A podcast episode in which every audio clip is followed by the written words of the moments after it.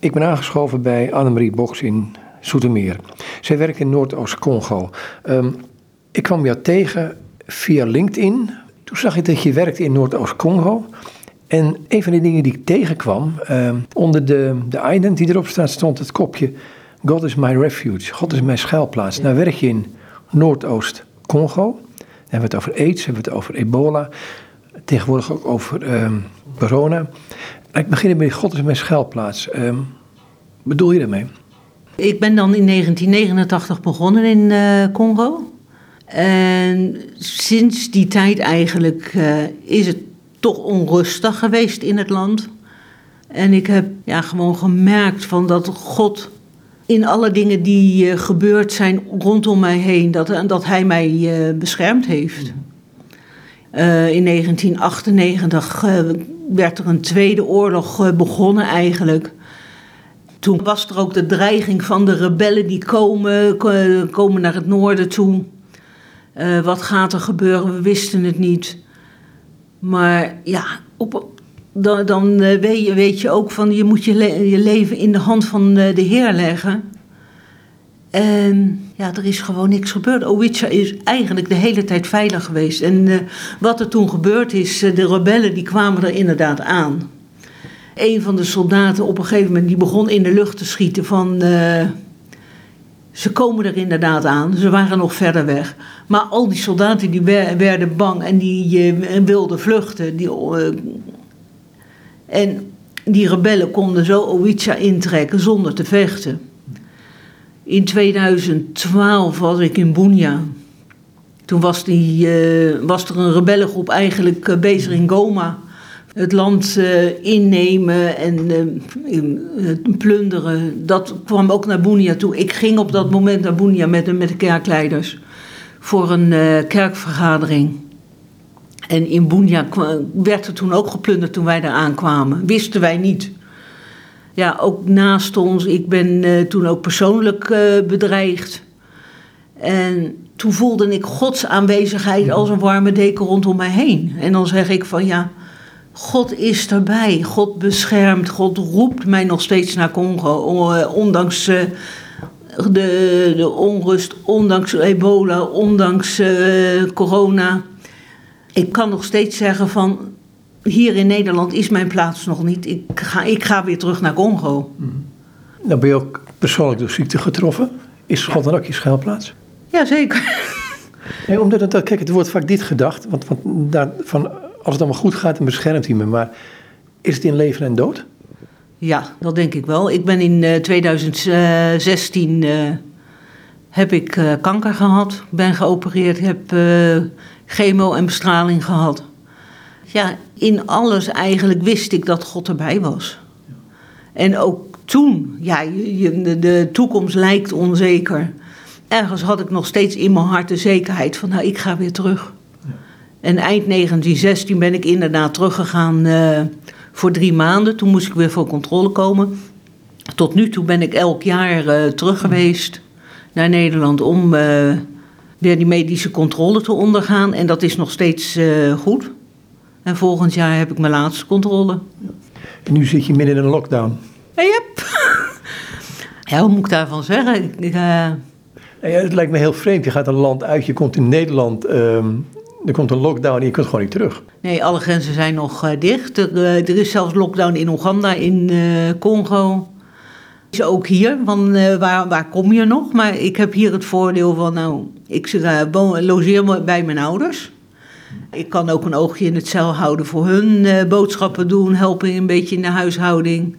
Verder hou ik mezelf bezig met preken luisteren. Ik ben een uh, Member Care Foundations cursus begonnen op uh, internet.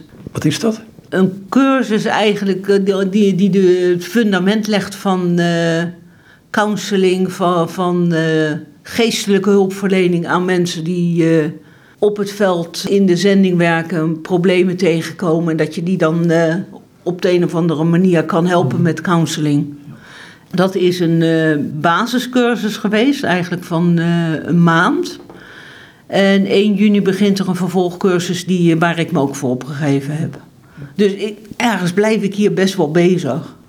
Dan ben je in Nederland en um, Nou, ik ben met de trein naar je toegekomen, uh, leeg, leeg, leeg. Je kunt weer naar een ziekenhuis toe, er zijn apotheken, er zijn medicijnen, er is voedsel overal. Hoe is er een uh, plek waar je woont? Of waar je woont in, uh, in Congo? Ja, ziekenhuizen gaan nooit dicht. Die zijn gewoon open, die ontvangen patiënten. Mm Er komen wel minder patiënten, heb ik begrepen. Ik werk dan in een aidsprogramma. De activiteiten van dat aidsprogramma liggen stil. We wilden eigenlijk deze maand twee workshops houden voor kerkleiders over HIV, hoe ze met mensen om kunnen gaan met HIV, hoe ze ze kunnen helpen, hoe ze voorlichting kunnen geven over uh, aids en HIV. En mensen stimuleren in een gezonde levenswijze dat ze zichzelf beschermen om niet geïnfecteerd te worden met HIV. Maar ik weet ook bijvoorbeeld dat mensen met HIV veel meer moeite hebben om aidsremmers te, te krijgen. Ik weet niet hoe, hoe momenteel de voorziening is van aidsremmers in, in het ziekenhuis. Maar ik weet wel dat mensen die. Kijk, wij, ik zit uh, vrij dicht bij de grens waar ik woon. Het is iets van 20 kilometer naar uh, Oeganda toe, 20 kilometer naar Zuid-Soedan toe.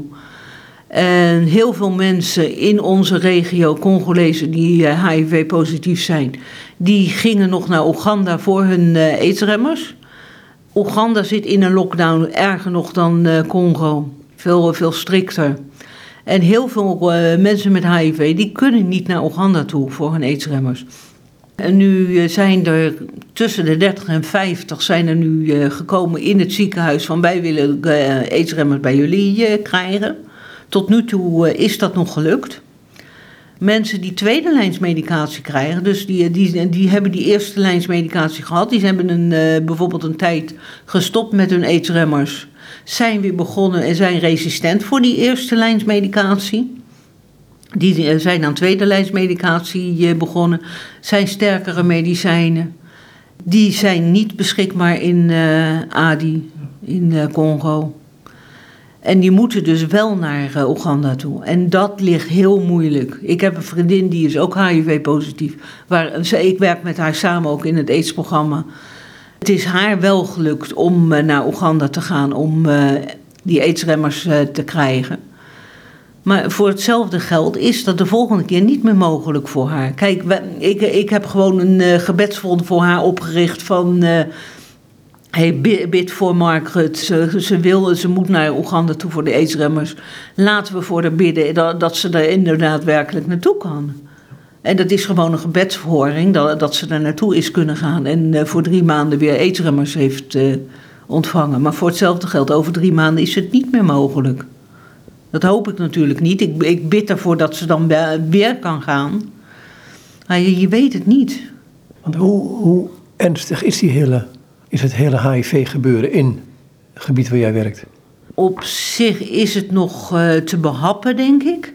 Ik ben uh, zelf betrokken bij het testen van uh, zwangere vrouwen voor HIV. Vorig jaar hadden we niet eens zoveel positieve gevallen. Aan de andere kant zie je weer mensen die naar het ziekenhuis komen, die zijn ziek. Die gezondheid is eigenlijk slecht. Dan doen ze in het ziekenhuis een test. En dan blijken die mensen wel HIV-positief te zijn. Dus een heleboel gevallen van HIV, eh, die, die, eh, die mensen zijn niet eens uh, getest. Maar die hebben het wel. We, we kunnen niet zeggen van het is 1% of het is 5% of 10%. Een heleboel mensen die, die HIV-positief zijn eigenlijk, die zijn niet getest. Ebola, dat steekt er ook om de havenklap de kop op. Ja, het is anderhalf eh, jaar dat er ebola is, in, eh, is geweest in uh, Congo. De haard van de ebola ligt, lag eigenlijk in het gebied waar ik vroeger werkte, in, van, van 1989 tot 1998. Er zijn gevallen geweest in Bunia, dus, en dat ligt verder naar het noorden toe. Er is ook iemand geweest die vanuit Bunia naar Ariwara is gereisd. En dat ligt Ariwara is iets van 45 kilometer bij ons vandaan. Dus toen was het wel eventjes van, oh help als het maar niet naar ons toe komt. Maar op zich zijn wij ebola-vrij gebleven. Hoe lang is dat geleden? Uh, anderhalf, twee maanden geleden waren ze net op het punt om te zeggen van, nou wij zijn ebola-vrij. Maar toen werd er weer een geval van ebola... Uh, gedetecteerd in Beni. En toen was het weer van, oh, nu beginnen, begint het helemaal weer opnieuw. Maar eigenlijk hoor je er weinig over. Het schijnt dat uh, er zijn wel mensen overleden aan die bodem. Ze hebben de contacten gecontroleerd. Dat hebben ze eigenlijk uh, goed aangepakt. En nu zitten ze weer in die afwacht, afwachting van, nou, we moeten 42 dagen zonder ebola zijn. Mm -hmm. Voordat we het kunnen declareren van, nou, wij zijn weer ebola-vrij. En dan komt de corona.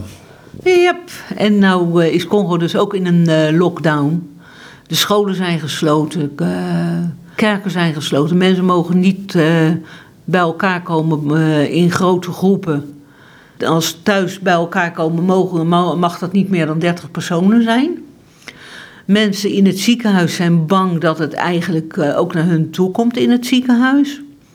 Ze nemen wel voorzorgingsmaatregelen. Van, kijk, vanwege ebola stonden er al watertanks. Dat je elke keer uh, als je in het ziekenhuis kwam of als je wegging je handen moest wassen. Dat wordt echt wel in de gaten gehouden van dat mensen dat doen. En nu met corona is het natuurlijk precies dezelfde voorzorgingsmaatregelen die ze moeten nemen. Maar mensen met HIV hebben er toch uh, om te lijden. Wat ik al zei, van uh, aidsmedicatie is uh, minder goed te verkrijgen. Maar ook bijvoorbeeld dat mensen met HIV minder toegang hebben tot voedselvoorziening. En ja, dan, dan kan er ook voedingstekorten ontstaan. voedselhulp is nodig.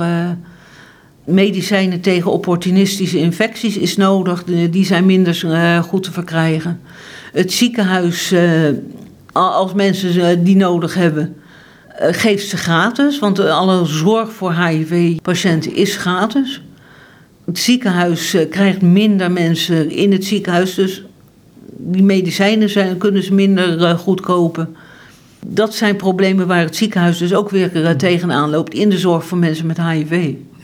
Wat deed jij? Wat heb jij er al die tijd gedaan sinds 89? Ik ben van huis uit verpleegkundige. Ik heb HBOV gedaan in uh, eh, 75 tot 79.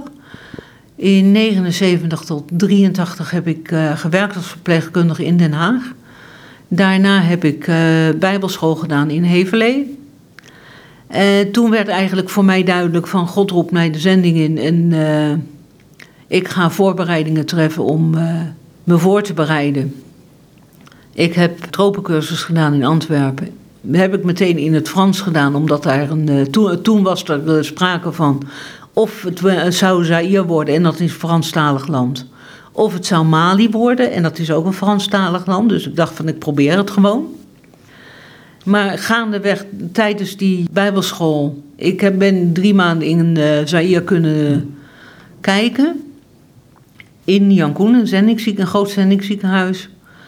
En toen kwam er een tekst van uh, Jezaja naar voren van... Uh, ja, je zal op, op pad zijn en je zal uh, naar links of naar rechts willen afslaan. Mm -hmm. Maar je zal een woord horen van, die, die zegt van dit is de weg, wandel daarop. En die tekst kwam in uh, Nyankunde terug. Die tekst kwam daarna terug toen ik met AIM in contact was, Africa Inland Mission. Ja, toen heb ik gezegd van nou, het is toch Zaire met IM.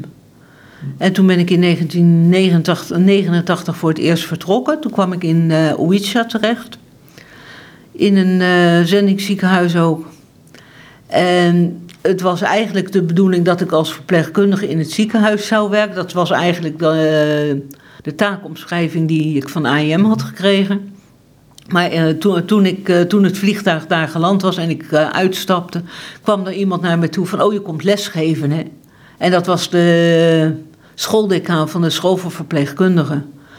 Die wilde dat ik les kwam geven op die school. En toen dacht ik van ja, als zendeling uh, zou, moet je toch proberen, moet je, moet je bereid zijn om alles te doen wat van je gevraagd wordt. En toen, uh, toen heb ik hem gezegd van nou, ik wil het best wel proberen. Tweede vraag van hem was van uh, wat voor lessen wil je geven? En ik had geen enkel idee van wat voor lessen je op zo'n eh, schoolverpleegkundige gegeven werden. Dus uh, vroeg ik van, nou, welke lessen zijn er? En toen ze, ze noemde die ook dorpsgezondheid. Toen heb ik gezegd van, nou, laat mij dan uh, die dorpsgezondheidslessen geven. Ook Daar zat ook voor mij het element in van contacten met de bevolking. En je kunt dus ook onderzoek doen natuurlijk. Onderzoek, eh, contacten met bevolking, ja, bronnen aanleg, eh, water. Het, het, het, het, heeft een hele brede basis eigenlijk van dingen die je in die, die cursus uh, bespreekt. Uh, zwangerschapscontrole, kinderklinieken, dat, ook dat soort dingen komen naar voren. Dus ja, ik vond dat, het leek mij leuk om te geven. En het heeft mij ook geholpen, dat lesgeven van op dit moment met, met het AIDS-programma geef ik ook voorlichting in, in grote groepen. Nou, die lessen, kleine lessen voor uh, eh, 30 man, zeg maar, hebben mij ook wel best wel voorbereid voor, voor de voorlichting die ik uh, nu aan het uh, geven ben. En dat is gewoon heel leuk om te zien van nou, hoe God vanaf het begin eigenlijk gewerkt heeft in mijn hart van, om dingen, mij, mij dingen te laten doen waar ik eigenlijk niet klaar voor was. Maar wat hij je dan in het grote plaatje al zag van nou, jij gaat voor veel grotere groepen staan nog. Maar, is het dan zo, dan kom je daar, uh, ik probeer me voor te stellen, hè? Um, je komt uit het Westerling en er wordt jou gezegd, want was het een lokaal iemand die dat zei tegen je? Dus dan wordt er iemand uit Congo gezegd, nou we willen graag dat je dit gaat doen. Zou dat niet de normale weg moeten zijn? Van, ik kom niet als Westerling het even zeggen wat het is, maar meer van, wat willen jullie? Zij zijn degene die daar al een leven lang werken en wonen en, en, en leven. Ja, eh, ik heb gewoon gezegd van uh, alles wat ik, ik ga doen, dat, dat, dat moet in samenwerking zijn met mensen daar. En uh, ik heb ook heel vaak gewerkt onder mensen die, die gewoon van de lokale bevolking kwamen. En dat, en dat is gewoon goed gegaan. Ik heb dan een jaar les gegeven en uh, in dat jaar ook wel uh, stagebegeleiding gedaan omdat iemand uitviel van de lokale bevolking, lokale verpleegkundige. En het jaar daarop zou de zendingsarts met verlof gaan zou een lokale arts, de enige lokale arts die daar was op dat moment. Want ja, het medische werk was toen nog niet, echt uh, georganiseerd onder de lokale bevolking. Het kwam, kwam wel op, er kwamen lokale artsen. Maar dokter Kambala was de enige arts die daar toen uh, zou zijn. Had het al druk in het ziekenhuis, had het al druk in de dorpsgezondheid, waar hij ook de leiding aan gaf. Dus toen zei ik van nou, wat jullie mij ook te doen geven, ik uh, ga het doen. Dus toen hebben ze gezegd van nou kan jij de taak op je nemen als schooldecaan. En de schooldecaan die mij die, die vraag had gesteld van kan jij lesgeven, die werd uh, directeur van de school voor verpleegkundigen. Dus wij hebben ook uh, heel lang met elkaar samengewerkt en dat is gewoon heel goed geweest. Maar loop je dan ook tegen cultuurverschillen op, waar je eventjes aan heeft, hebt moeten wennen? ja, best wel. Kijk, ik, kijk, ik ben natuurlijk een uh, top Nederlandse. En die, kijk, als er iets is wat, wat mij niet zint, ja, ik zeg het toch wel. Niet slim. Nee. maar aan de andere kant, uh, ja, mensen leren je kennen. En als het niet met, met die, eh, school, met die schooldecaan die dan directeur werd, hebben we best wel eens uh, verschil van mening gehad. Mm -hmm. En dan botste het even. Maar op, na die botsing begonnen we wel te praten van nou, hoe is het in jouw cultuur, hoe is het in mijn cultuur, van hoe kunnen we tot een compromis komen. En dat is gewoon ook heel erg goed. Ja, waar, waar bots je nog? Kun je gewoon een, een praktisch voorbeeld geven hoe, hoe het ging? Ah, dat is al zo'n tijd, tijd, geleden, dat weet ik eigenlijk niet, niet meer precies van uh, welke dingen daar uh, botsten. Maar het, be het, belangrijkste is dan van dat je gewoon allebei een stap terug doet. Mm -hmm. Van hé, uh, hey, we willen niet, niet blijven botsen, maar hoe zit het probleem van hoe kijkt de Congolese cultuur er naartoe? Die eigenlijk veel meer mensgericht is. Uh, het praten wat me, van, met, met mensen één op één, zeg maar. Dan, dan uh, de Nederlandse cultuur en het zeggen van in een grote groep mensen van hé, hey, dat doe jij verkeerd. Ja, dat doe je niet. Dat, dat, dat, is, dat is gezichtsverlies. En dat, dat is, is een van de dingen die uh, heb ik wat meer in Afrika gehoord, ook in, gewerkt met Noord-Afrikanen wel dat doe je niet. Maar hoe doe je dit dan wel? Op een gegeven moment leer je dan toch wel van... Hey, eventjes, eventjes een stap terugnemen. Van uh, roep die persoon uh, straks maar even bij je. Van uh, dat gaat niet. Maar op andere momenten van... je werkt er dan met leerlingen van... je doet huisbezoeken, je doet dorpsbezoeken. Je gaat samen naar een dorp toe om les te geven voorlichting te geven. En op een gegeven moment hadden wij ook een keer uh, dat we in een dorp kwamen, was iemand aan hersenvliesontsteking overleden. En dat is dan natuurlijk ook uh, besmettelijk. Van uh, ja, we gaan lesgeven, we gaan over die ziekte praten met de met familie, met de bevolking. In die cultuur is het zo dat de mannen blijven veel buiten zitten. Maar de vrouwen gaan naar binnen om met, met de, de, er was een man overleden met de echtgenoten te zitten in het huis om uh, zo met die vrouw te kunnen praten. Nou, we kwamen daar aan bij dat gezin. Alle mannen van, de, van het dorp die, die zetten eigenlijk banken buiten, zodat wij konden gaan zitten. En alle leerlingen die gingen buiten zitten, maar ik ben toen naar binnen gegaan van, uh, om met die uh, vrouw te praten, met een voorlichting te geven, te bidden. En alle leerlingen van mij die zaten buiten en vooral de meiden die zaten wat dichter bij het huis. En die zaten echt te luisteren van, oh, mademoiselle doet het heel goed. Toen wij teruggingen, heb ik die leerlingen op school in de klas geroepen van, om, te, om te zeggen, nou, wat is er precies gebeurd? Van, uh, hadden jullie als, als meisjes zijnde ook niet naar binnen moeten gaan? van, hoe, hoe zit het in die cultuur? En toen gaven ze best wel toe van, ja, wij hadden eigenlijk naar binnen moeten gaan ook. Maar waarom deden ze dat niet? Ik heb geen idee meer. Ze, ze dachten van, eh, misschien dachten ze dachten van, nou, uh, mademoiselle lost het allemaal wel op. Kijkt men naar autoriteit? Kijkt men daar tegenop? Ja, dat, eh, dat toch nog wel. Van, uh, als je als leerling zijnde, zou, zou je geen grote mond geven aan, de bevol, aan een uh, leraar bijvoorbeeld. Wat je, wat je hier dan best wel veel hoort van... dat, dat jongeren zelfs rotzooi trappen in de klas zelf. Dat zou daar niet gebeuren. Als een leraar zegt van uh, nu allemaal stil zijn, dan zijn de leerlingen stil. Jongens die zouden misschien dan eerder een weerwoord hebben dan meisjes. Meisjes zijn echt uh, dat ze, dat ze toch, toch uh, hun mond dicht houden, beleefd zijn. Als ze op school zitten, zijn, zijn heel veel meiden nog best wel verlegen. Maar zit er dan ook een, een, een afstand tussen man en vrouw in die zin van de man heeft het voor te zeggen en de vrouw moet maar gewoon doen wat er gebeurt? Ja, dat is uh, toch nog steeds. En dan uh, kijk, met, met zwangerschapscontrole dan, die ik dan doe. Ik kom meiden tegen die 14, 15 jaar zijn, die zwanger zijn. Mm -hmm. En dan vraag ik wel eens van, nou, hoe heeft dat kunnen gebeuren? Wat is er gebeurd? Wat heeft die jongen gedaan? Wat heb jij gedaan? En dan uh, blijkt het toch van dat die jongen een, een plaats heeft gezocht om samen met dat meisje te zijn, waar dat meisje eigenlijk geen hulp kan, in kan roepen van anderen. En uh, dat ze toch verkracht is. Of dat ze alleen is uh, geweest met een jongen van, ja, maar ik hou van je, er gebeurt niks, je kan niet zwanger raken met één keer. En dat dat toch gebeurt. En dat dat, dat meisje toch toe, toegeeft om geslachtsgemeenschap te hebben. Maar bro, ook in een gezinssituatie, kan een vrouw een man tegenspreken in het openbaar? In het openbaar niet, dat doen ze dan uh, in het gezin. Mm-hmm.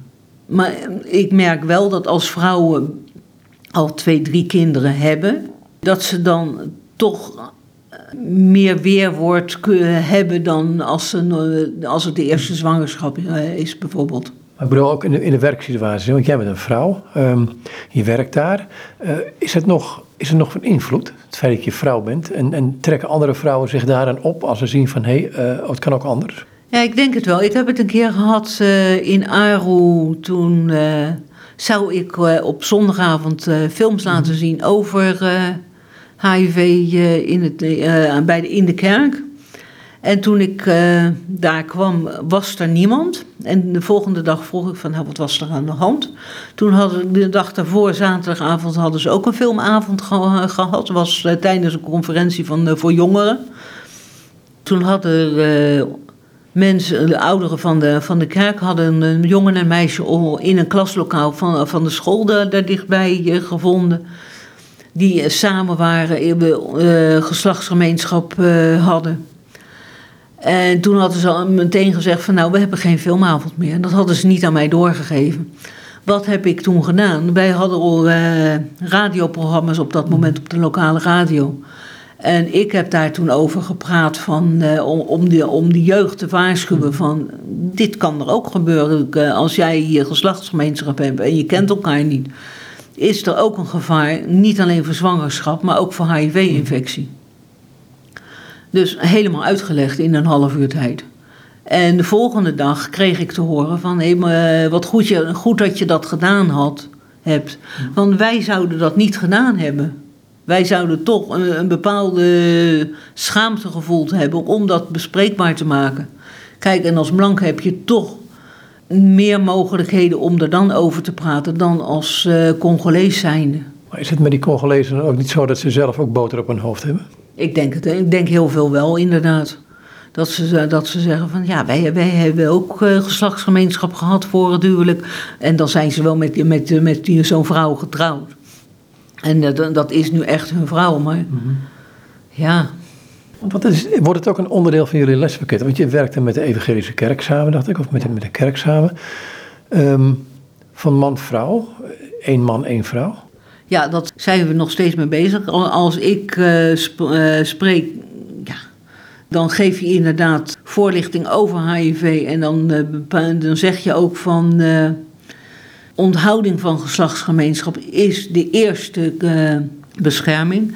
En dan één man, één vrouw in het huwelijk. Trouw zijn aan, aan je huwelijkspartner is de tweede.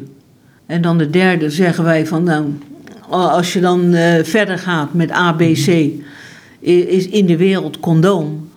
Maar wij zeggen dan van Christus helpt jou om onthouding van geslachtsgemeenschap voor het huwelijk uh, te kunnen volgen en trouw te zijn in je huwelijk.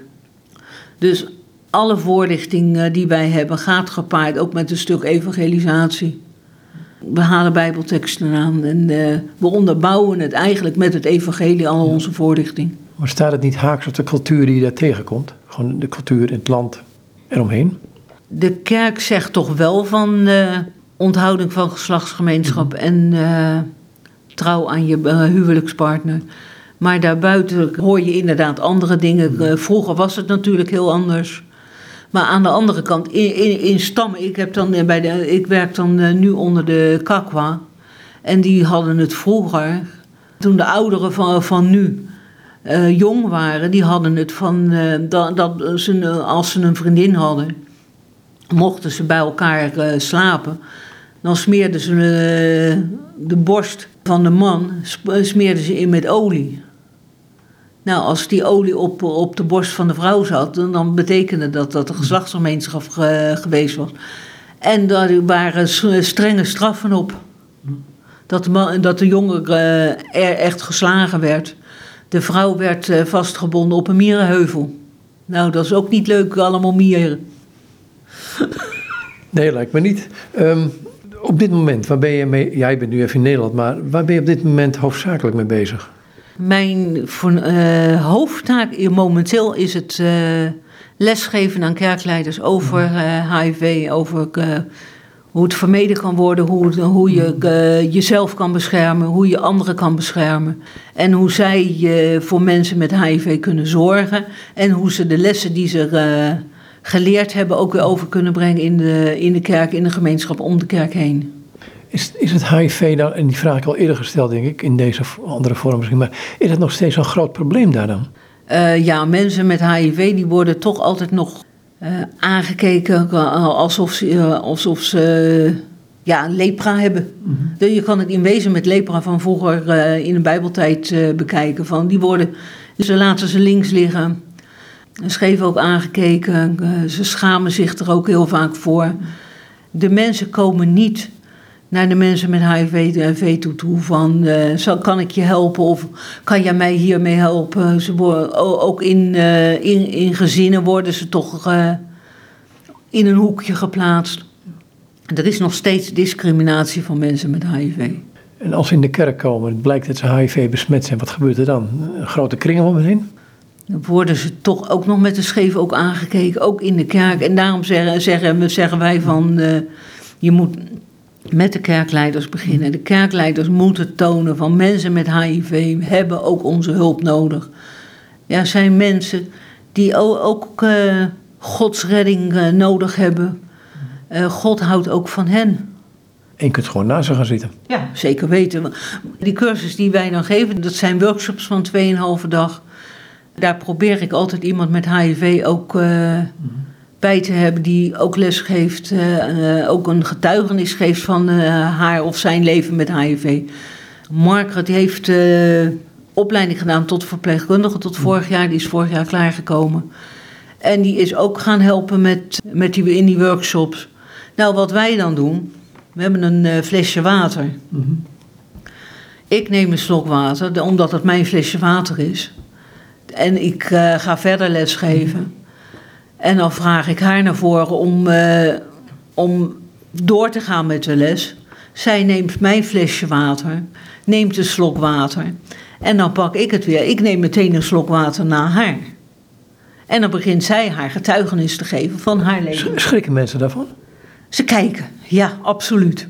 Ze kijken van, ha, maar het is mademoiselle de flesje water, maar nou... Uh, Margaret heeft uh, ook een slok water gedronken. Mademoiselle neemt weer, uh, heeft weer een slok water genomen. Kan ze niet geïnfecteerd worden? Zelfs kerkleiders zitten ervan te kijken. Maar ik kan gerust, zonder problemen, een slok water nemen als Margaret een slok water genomen heeft. Ik kan zonder problemen Kijk, zij, een voorbeeld, zij eet een banaan. En dan, dan, geeft ze mij ook een hap van die banaan. Ik kan gewoon een banaanpartje uh, afhappen en opeten. Geen probleem. Om een voorbeeld te noemen, vorig jaar hadden wij een uh, workshop. Uh, Margaret was een van de facilitatoren ook. Een van de docenten. We deelden een kamer met een vrouw die je workshop volgde. Er waren twee bedden in die kamer waar wij sliepen. We, die, die vrouw die was zelfs ouder dan ik.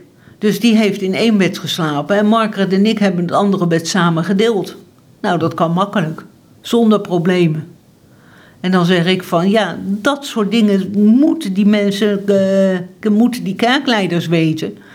En ook, zich ook eigen maken van, nou, normaal uh, leven met mensen met HIV is, is geen probleem. Als mensen met HIV aidsremmers slikken en ze slikken ze elke dag en ze houden zich aan, aan, aan ze, ze, ze, slaan geen dosis over, dan uh, is op een gegeven moment dat die hoeveelheid virus in hun uh, bloed is heel miniem. Die is, kan niet meer gedetecteerd worden met onderzoeken. En dan is er helemaal geen risico tot trans, transmissie van dat virus. Dus ik heb helemaal geen problemen ermee van, om, om met iemand van, die HIV heeft, op daarmee om te gaan. Is nou het toedienen van medicijnen, die, die aidsremmers, want dat heb ik in Zuid-Afrika toen ik in KwaZulu-Natal was gehoord. Het grote probleem daar was van hoe je moet heel gedisciplineerd toedienen elke dag. En dat was vaak het grote probleem. Ja, omdat mensen toch, vooral als ze in het begin uh, zijn van, van eetremmers slikken, dat ze zich schamen voor de andere mensen zelfs in huis, dat die het niet allemaal weten nog. Dus dan moeten ze het stiekem innemen. En dat is soms, als je met, op een kluitje in één kamer zit, is dat moeilijk. Maar gaandeweg gaat me, gaan mensen toch begrijpen van nee, ik moet ze slikken. Ik, uh, ik, uh, ik hoef me er niet voor te schamen. Het, is een normale ziekte. Van eigenlijk ben ik nog niet eens ziek, maar ik uh, moet die medicijnen nemen om te voorkomen dat ik ziek word. En dan, ze, dan, ja, dat, dan leren ze het om te doen. Maar als mensen horen bijvoorbeeld van dat ze HIV-positief zijn, dat is soms al een hele schok voor, voor mensen. Ik heb het een keer meegemaakt een jong echtpaar, eerste zwangerschap.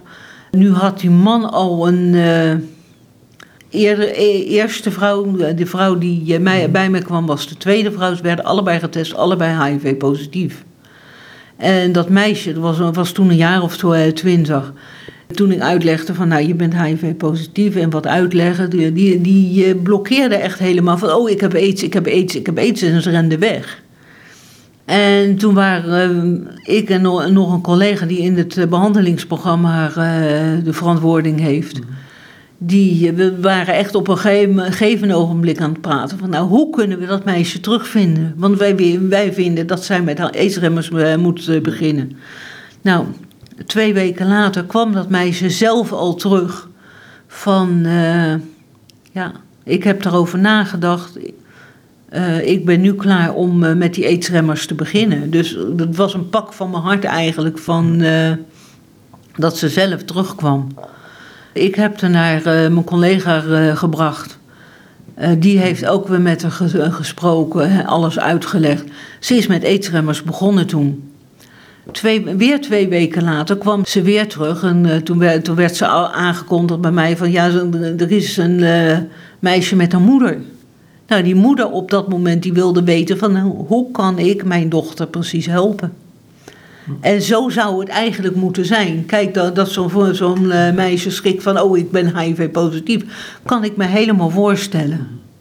En dat ze terugkwam om uh, aidsremmers te beginnen te slikken. En met, twee weken later nog weer met de moeder dat ze klaar waren om ja, te aanvaarden dat, dat het meisje HIV-positief was. En dat de moeder klaar was om er echt voor de dochter te zijn. Dat, dat is gewoon ook een gebedsverhoring geweest. Nou, ook in Zuid-Afrika was ik daar en daar. Um ik, mijn vraag was onder andere mensen die daaronder werken, ik was Zulu Natal, maar ook in Durban, van geven jullie voorlichting? Nou zeggen ze dat werkt niet altijd even goed. Van geen seks voor het huwelijk of geen, eh, niet met verschillende partners, want ze doen het toch. Wat wel helpt, is naast iemand die aids heeft, uh, een buddy te zetten en dat verhaal aan te horen.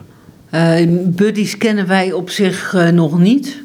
Wat wij wel doen is op een gegeven moment huisbezoeken doen met mhm. mensen met HIV, dat ze weten van nou ze kunnen bij ons terecht. Wat we wel vragen is uh, van, van uh, heb iemand waar je mee kan praten, die, die het accepteert dat jij HIV-positief bent, die, die ook is bereid om te helpen. Misschien dat je dat als buddy systeem kan zien. Maar dat, dat, dat ligt echt in de familie ook nog. Waar we ook wel mee bezig zijn, is uh, dat we op scholen een, to, toch een uitgebreidere uh, lessen willen gaan geven over HIV, over eigenlijk hoe, hoe iemand, iemand die in de adolescentie zit naar volwassenheid kan groeien. En iemand in Aurora en Zendelingen daar heeft er een boek over geschreven van de, de reis naar volwassenheid, zeg maar. En dat ben ik op dit moment aan het vertalen. En dat willen wij als, uh, als aidsprogramma, als uh, mensen van het ziekenhuis, als schooldominees, willen wij dat op de middelbare scholen ook introduceren. Dat, dat, dat we daar met de jeugd over gaan praten. Als ik aan aids denk, en het hele, hele aids-epidemie, die er misschien nog steeds is, um, dan moet ik ook vaak denken aan um, ja, gewoon weeskinderen, want de ouders overlijden vrij jong en dan, dan sta je er op de wereld. Ja, en uh, wij hebben ook een uh, project in het aidsprogramma die, die kinderen ondersteunt. Wij ondersteunen er momenteel 29, waar wij dan het schoolgeld voor betalen. Scholen liggen nu dicht, dus ik weet helemaal niet hoe het met dit schooljaar gaat. Vier meiden zouden ook eindexamen doen, middelbare school. Maar ja, voor de, die kinderen moet ook geld binnenkomen. Ja. Ik, ik weet eigenlijk niet eens precies hoeveel uh, een jaar schoolgeld kost voor middelbare school en voor uh, lagere school. Elke school is ook weer anders. Zeg dat uh, voor, voor een middelbare schoolkind dat dat 200 dollar is. En voor een lagere schoolkind 100 dollar. En misschien kunnen we daar dan nog wel meer mee doen om zo'n kind te helpen. Maar ja, voor, voor die kinderen is het een hele oplossing om geholpen te worden. En dat programma is eigenlijk begonnen met uh, Esther, een uh, meisje wat toen de tijd nog op de kleuterschool zat. Die kwam ik tegen in het uh, kerkbureau. En ze was aan het huilen. Op school hadden ze over de papa en de mama gepraat en het gezin. En zij, vijf jaar misschien, besefte van ik heb geen papa meer, ik heb geen mama meer, ik woon bij oma. toen heb ik gezegd van nou wij gaan haar ondersteunen met, uh, met geld voor school. En ze zit nou in de vijfde van de lagere school. Dus in wezen groep 7 hier in Nederland. En ze had een andere naam. Ze heette Never, nooit. Dus toen heb ik gezegd van nou dat is geen naam voor uh, een kind. Mhm. Dus ik heb haar de naam Esther gegeven. Haar tweede naam is Anyadru. En dat is Kakwa voor geliefd. Dus uh, ja, ik vind dat een veel mooiere naam dan Never. Dus nu Esther Anyadru.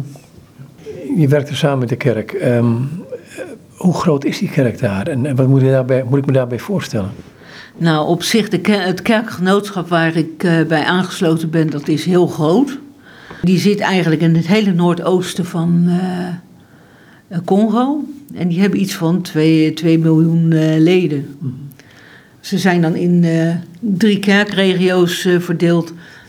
elf kerkdistricten, of twaalf inmiddels geloof ik. En die districten zijn weer verdeeld in kerksecties. En kerksecties hebben dan lokale kerken onder zich. Uh, de lokale kerk van Adi heeft iets van misschien 500 leden. En we hebben dan twee uh, kerkdiensten. Eén is in het Frans en de ander is in het uh, Bangala. En, en Bangala is de lokale taal? Bangala is een van de regiotalen van, van Congo. Je hebt, vier, je hebt eigenlijk vijf nationale talen. Frans is de eerste. En dan vier streektalen, waarvan Bangala, Bangala Lingala er één van is.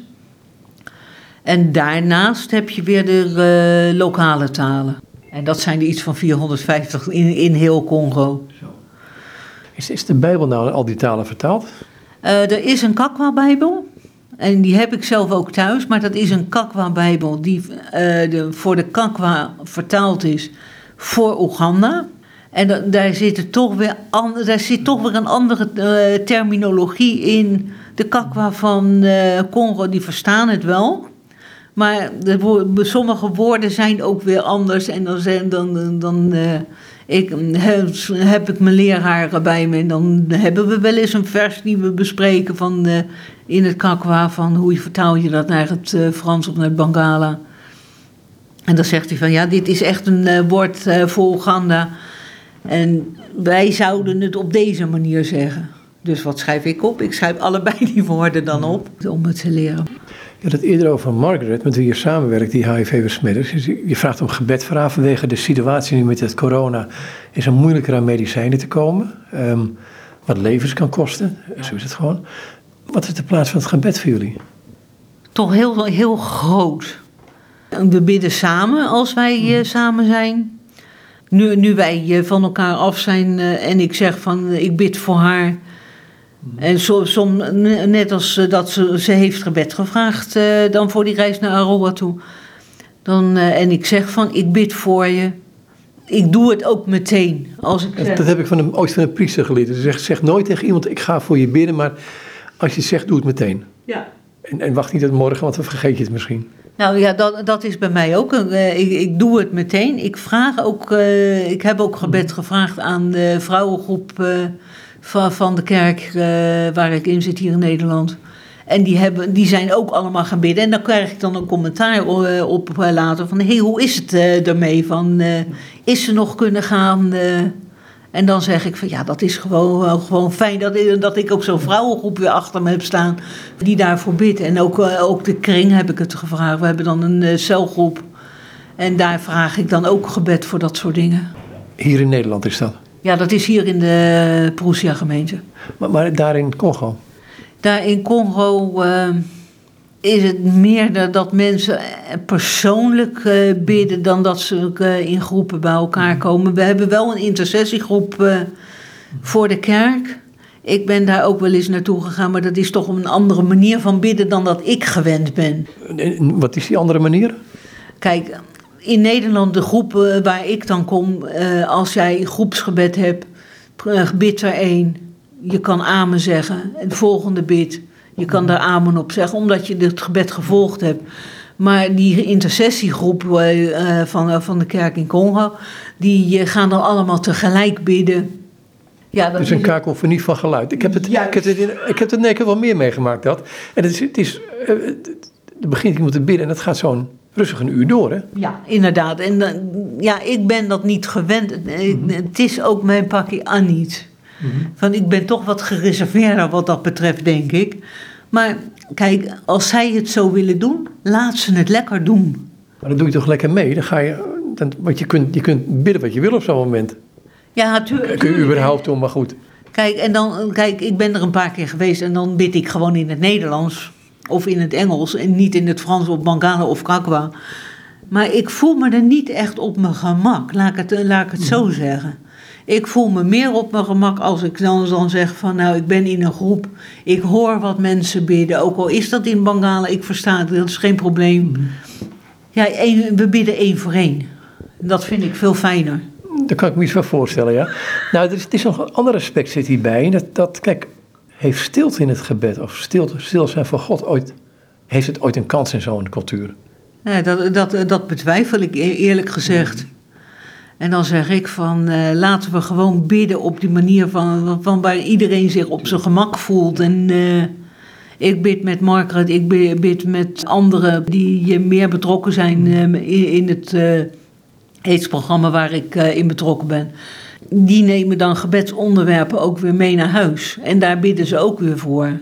Ik, vind het leuke van als er meer mensen bidden voor dingen, zelfs al weet je het niet, dat je, nooit, dat je eigenlijk zo bescheiden moet zijn dat je niet kunt zeggen: het is mijn gebed geweest, maar het is God die verhoord heeft. Tuurlijk, maar dat, maar dat is het ook als ik, als ik zelf eh, bid voor Margaret bijvoorbeeld. Dan zeg ik ook niet van, eh, ja, ik, ik heb gebeden van, eh, door mijn gebed heeft God gehandeld. Nee, het, het is gewoon, God is er. God, God wat er ook gebeurt, eh, God is erbij. God, God heeft ons leven in zijn hand. En dat is gewoon het mooie van, eh, van, van het eh, werken in de zending, van het werken in een eh, kerkgenootschap. er kunnen dingen gebeuren die negatief zijn, oorlog, ebola, corona, wat dan ook. Als jij onder Gods bescherming staat, dan kan, kan jou niks gebe- gebeuren totdat God zegt van nu, nu heb jij mij genoeg gediend. En ik ben nu in Nederland, ik maak eh, gebruik van mijn tijd hier. Maar ik weet, God heeft mij nog niet verteld van, eh, dat, ik hier moet, moet blijven. Ik denk dat er nog een, nog, een eh, aantal jaar is dat ik naar Congo kan gaan op de een of andere manier. Kijk, dat is misschien niet op de manier zoals ik gewend ben. Maar God wil mij nog steeds gebruiken. En, en nogmaals, die veiligheid in God, het is in ziekte, voorspoed, tegenspoed, noem het maar gek. Maar ook in, in mooie tijden, slechte tijden. Ja, dat is, dat is gewoon altijd. Wat er ook gebeurt, ik mag eh, op Gods belofte staan dat Hij heeft gezegd van... eh, zie, ik ben met u alle dagen tot aan het einde der wereld. En daar hou ik me aan vast. Hoe is het ooit zo tot jou doorgedrongen? Hoe dat tot mij doorgedrongen is. Ja, toch een stuk eh, van Gods bescherming eh, meegemaakt in Congo. Ja, maar daarvoor, het is, het is ergens, ergens is die notie begonnen, denk ik. Of langzaam gegroeid. Nou, ik heb eh, vroeger ook met HCF samengewerkt. En ja, toen begon ik eigenlijk meer vragen te stellen van wie is God. ACF? HCF is de Hospital Christian Fellowship. Door het werk van HCF ben ik ook tot bekering gekomen. Heb ik God ook aangenomen in mijn leven. En ja, dan, dan gaat God met je verder. Leert hij je dingen. En eh, mag jij ook in hem groeien. Zo- Zo'n voorlichtingsprogramma wat jullie doen, hè? laat ik het zo zeggen. Je kunt heel makkelijk een zendingsziekenhuis mo- kan begonnen worden. Hè, er wordt, eh, zijn artsen aanwezig, er zijn medicatie aanwezig, er wordt gebeden met de mensen. En op een gegeven moment wordt het alleen maar de medicatie. En wordt het gebed losgelaten. Zie je dat ook gebeuren? Nee. Er wordt el- elke, elke ochtend in het ziekenhuis is er een eh, tijd voor bijbelstudie, voor gebed. En el- elke dag wordt anders eh, ingevuld. We hebben een eh ziekenhuisdominee en die gaat echt alle patiënten langs van... hé, hey, wat kan ik voor je doen? Eh, hoe kan ik voor jou bidden? Dat wordt echt nog gedaan. Dus, dus het een sluit het ander niet uit. Nee, zeker niet. En wij, wij kunnen ook bidden om de medicatie die, die eh, zieken eh, ontvangen, dat die ook gezegend wordt door God, gebruikt wordt door God. Dus God is mijn schuilplaats, dat is jouw, eh, dat gebruik je als tekst. Nou, niet alleen als tekst, het is gewoon eh, een waarheid in mijn leven. Van, ik mag, met wat ik moeilijk vind, mag ik naar God toe gaan. En mag ik het bij hem leggen. En kan ik bij hem laten, omdat hij er dan mee aan de slag gaat. En nog iets anders, je hebt ook een website, hè? Ja, annemariebox.com. Ik moet er eigenlijk weer eens wat opschrijven. Maar wat, wat kunnen mensen erop vinden? Dingen die ik uh, meemaak over het uh, aidsprogramma, over het leven in Congo, uh, over de problemen met mensen met aids momenteel in Congo, de problemen die ze, die ze op inlopen. De laatste keer heb ik daar ook het AIM-gironummer bij gezet. Als mensen, mensen met HIV in Congo willen ondersteunen, kunnen ze daar geld naartoe geven. En dat al, al het geld wat daarop binnen gaat komen, schrijf er even bij dat het voor mensen met HIV is in verband met eh, COVID-19. En dan gaat dat echt naar eh, mensen met aids toe. Ik heb ooit in een kerkgemeente Zuid-Afrika dit horen zeggen. Ehm, wij als kerk, het lichaam van Christus, mhm. wij hebben aids. Ja, ik denk, ik denk het wel inderdaad. Van, uh, kijk, en dan zie, zie jij je aids. Aids is ook de zonde die, die in ons leven is. Wij mensen zijn zondaars, wij mensen maken fouten. Ik ook, jij ook. Mensen die op dit moment luisteren ook. En als wij daarmee met onze zonde naar God gaan, vergeeft Hij. En kunnen wij als lichaam van Christus in die vergeving leven. En dan kunnen daar de mensen ook, hè, waar het om gaat in Congo, gewoon in een kerk zitten zonder dat ze in het hoekje zitten met uh, drie meter ruimte om hen heen. Um, als we nog tijd hebben, één voorbeeld nog. Margaret, uh, die. Uh, kijk, zij, zij, is er nooit, nooit eigenlijk verlegen over geweest om te zeggen dat ze HIV-positief is. En op een gegeven moment ging een groep jongeren van, van de kerk van A, die ging evangeliseren ergens anders. En toen was er een dominee die zei van dat vuilnis hoeven we niet mee te hebben. En dat, dat heeft Margaret echt uh, heel erg aange, aangesproken van dat ze eigenlijk als zij in Adi uh, was niet naar de kerk meer ging. Wij hadden in november hadden we een, een workshop voor de kerkleiders van de kerksectie van Adi. En toen vertelde ze uh, die andere collega aan mij van die dominee die dat gezegd had. Die zit hier, uh, hierbij in die groep met de dominees die aan het luisteren is. En ze heeft daar getuigenis gegeven van over haar leven met HIV. Eh, ze heeft dit voorbeeld zelfs gegeven in de getuigenis. Ik weet niet of die dominee nog naar daartoe is gegaan, dat, dat heeft ze niet uh, gezegd. Ik weet ook uh, niet wie het is. Maakt, maakt mij ook niet uit. Maar die dominee, ik denk dat hij best wel aangesproken zal zijn geweest uh, met, met het getuigenis van Margaret. En dan zeg ik van Margaret is gewoon een hele dappere vrouw die echt onze hulp nodig heeft.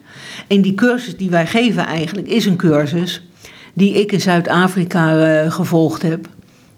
En, er is toen gezegd van alleen mensen die uh, die cursus gevolgd hebben, mogen eigenlijk die cursus weer doorgeven. Ik heb toestemming om mensen om mij heen te gebruiken, omdat er verder in Congo niemand is. Maar ik zou Margaret eigenlijk best wel willen sturen om die volledige cursus te, eh, te volgen in Zuid-Afrika. En om dan bevoegd te zijn, volledig bevoegd te zijn in uh, Congo, om die cursus te, te geven ook. Dus als jullie daarvoor uh, geld willen geven, dat is dat ook uh, van harte welkom. En Margaret is daar ook volledig toe bereid om naar Zuid-Afrika te gaan om die cursus te volgen. Maar wat je ook zegt, is in wezen zeg je ook van. Eigenlijk heeft zij een enorm diep besef van wat Jezus, wie, wie door Jezus geaccepteerd wordt en hoe we door Jezus geaccepteerd worden. Zonder allerlei smoesjes eromheen. Ja, zeker weten. Zij is ook een kind van uh, God. En zij, zij noemt mij haar uh, oudere zus en ik noem haar mijn jongere zusje. Mm -hmm. Zo is onze relatie, een, relatie samen. En uh, we kunnen eigenlijk werkelijk alles tegen elkaar zeggen. Als zij, als zij bij mij uh, eet s'avonds bijvoorbeeld, vraag ik van heb je je medicijnen bij je? En die, die heeft ze dan gewoon ook bij ze. En als wij een, een deel van het programma bijvoorbeeld bespreken en zij is het ergens niet mee eens, voelt zij zich volledig vrij om te zeggen van hé, hey, waarom heb je dat gezegd? Van uh, zo is dat helemaal niet. En zij corrigeert mij ook. Zij weet zich geaccepteerd door Jezus. Zij weet zich geaccepteerd door mij. En uh, ja, wat er ook gebeurt met haar ook, zegt zij van nou, Ze weet, eh, ze, net, net als wat ik zeg, van God, God is haar uh, toevlucht. Werkelijk waar. En daar kan ik alleen maar amen op zeggen. Ik, ik moet ineens schiet met zo'n tekst naar binnen als Jezus is een vriend van hoeren en tollenaars. En ik denk dat wij dan in onze christelijke perceptie vaak zoiets hebben van, ja, zodra ze tot bekering zijn gekomen. Ja, maar kijk, Jezus uh, die, die ging naar ze toe voordat ze zich bekeerden. Dus wat dat betreft zeg ik van, iedereen, ieder mens, wie dan ook, is geliefd door Jezus. En dan maakt het nog niet uit of ze, of ze uh, christen zijn of niet. Jezus houdt van iedereen. Maar die liefde is zo groot dat, dat, dat hij ons niet in, in die situatie wil laten. Maar hij wil dat al, ieder, iedereen tot bekering komt en hem gaat volgen. Vergeving krijgt van de dingen die uh, wij fout gedaan hebben. Ik wou het hier wel laten. Dankjewel. Alsjeblieft. Nog één keer, uh, jouw website. annemariebox.com Dus www.annemariebox.com Goed, um, nou nogmaals dank. Graag gedaan en uh, tot de volgende keer. En dit is Annemarie Boksen met Haversik in gesprek.